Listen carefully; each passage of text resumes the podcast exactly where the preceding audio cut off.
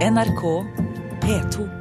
For første gang kommer et Asterix-album ut uten at verken Goscinny eller Uderso har hatt noe med det å gjøre. I hvert fall eh, Uderzo eh, har jo hatt litt med det å gjøre.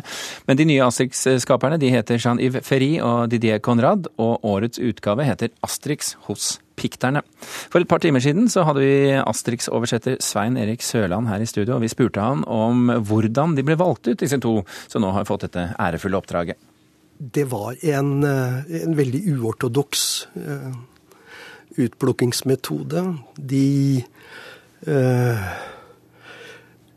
Gjennom hysj-hysj-metoder og munn-til-munn og uh, telefoner Du må ikke si det videre. altså sånn virkelig et sånn konfidensialitetsspøkelse som De henvendte seg til tyvetall manusforfattere og ba om å få forslag til et nytt Asterix-album. Litt sånn Idol-konkurranse, rett og slett?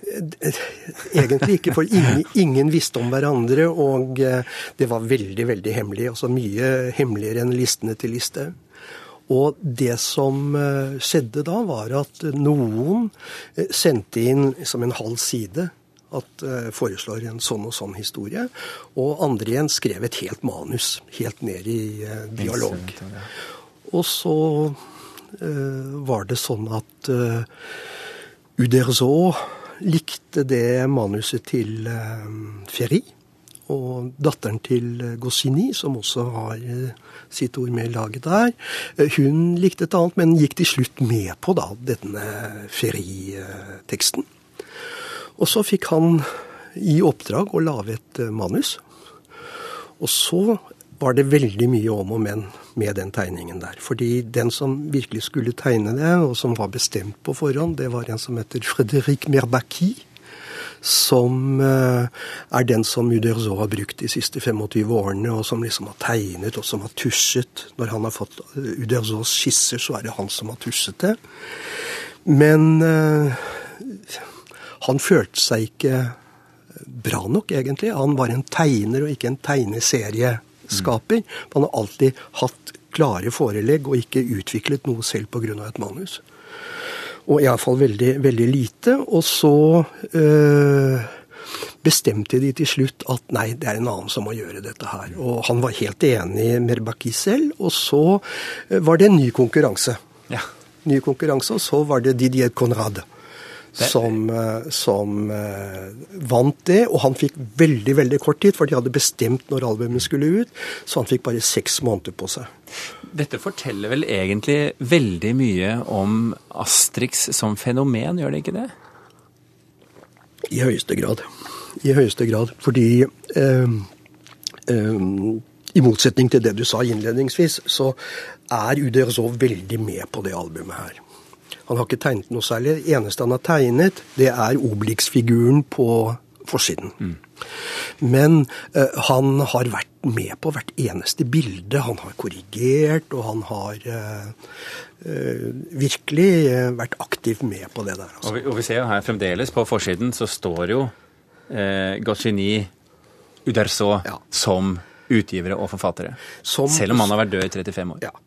Og det er jo forskjellen på det amerikanske og det franske. ikke sant? Altså I Amerika, superheltene, det er jo et eller annet forlag eller noen rettighetshavere som har, og så skifter de tegnere etter hvert. Og, eh, mens i Frankrike så er det jo opphavsmennene som eier figurene.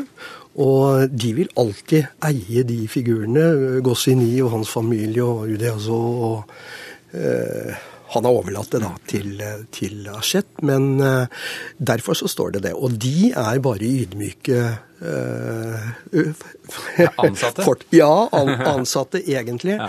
Og deres oppgave er å lage et Asterix-hefte som er til forveksling lik uh, Asterix-heftene til Gossini og Uderzo. Ja, Det sa altså oversetter Svein Erik Sørland da vi snakket med ham for et par timer siden. Steinar Bjartveit, høyskolelektor på BU, Institutt for eh, kommunikasjon, kultur og språk. Velkommen til Kulturnytt. Takk. Du har, sammen med et par andre, skrevet boka Roma Victrix, ledelse i Romas storhetstid. Og du er eh, Asterix-fan. Yes. Hvorfor er Asterix eh, spennende for deg? Nei, det, Jeg syns det er en fantastisk bruk av historie. Mot moderne perspektiver. Så det fantastiske med Asterix er for meg så er at de bruker historien og belyser moderne problemstillinger. Og gjør narr av samtidige politikere. Du, hva syns du om heftet? Heftet har jeg ikke sett. Det nye heftet. Du har ikke heftet. sett heftet? Det er skandaløst, det her. Du kan få mitt. Fantastisk. Det er nesten verdensbegivenhet. Jeg trodde ikke det fantes lenger. Det er ikke lov til å begynne å lese det, det? nå. Du må, du må, vente til du har svart på alle spørsmålene. Allerede på side tolv, ja. Ja, altså Dette er jo Asterix hos pikterne. Hvem, hvem var pikterne? Pikterne er skotter, så dere har jo allerede et Asterix-album med Asterix i England. Som hevder at Roma slo britene fordi de angrep under tetid. Og dermed så var det lettere å ta dem. Pikterne er skottene, så det er de som maler seg blått. Hvis man har sett filmer som Arthur-filmen med Keira Knightley etc. Når hun males i blått, så er hun pikter. Så er vakre kvinner i blå farge.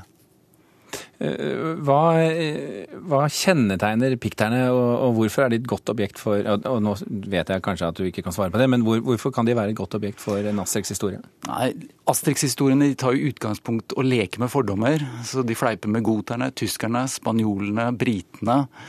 Så Sånn sett så har de ofte valgt seg forfatterne her, de har valgt seg ett folkeslag å gjøre narr av. Så pikterne, da antar jeg at vi finner mye om skatter, skotter og gjerrighet. Kanskje noe whiskydrikking, den type ting. Uh, og franskmennene kommer sånn noenlunde bra ut av det hele tiden? Nei, det gjør de ikke. Så er veldig selvkritiske, spesielt med franske politikere. Så, så spesielt Gaucheny, når han skrev, så var det jo kjent for å gjøre narr av samtidens franske politikere. Ja, for her er det jo folk som får hatten på seg, og høvdingen ikke minst, og ja. sangeren og Sangeren, også, men samtidig så omskriver jo historien. Så grunnlaget for hele Asterix-serien, den er jo at Cæsar tok Gallia. Uh, og her sier de at nei, han tok den ikke. altså Når Vercingetorix la ned sine skjold, så knuste han Cæsars tær.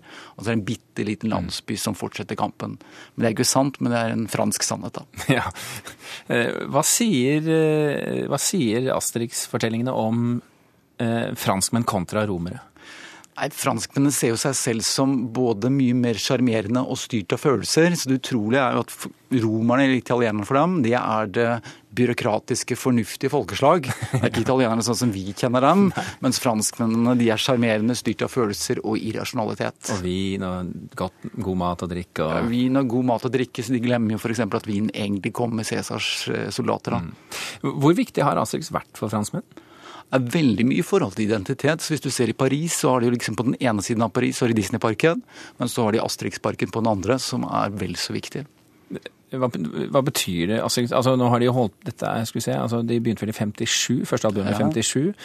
Um, de har jo, Det er 35 album nå. Dette ja. er det 35. albumet.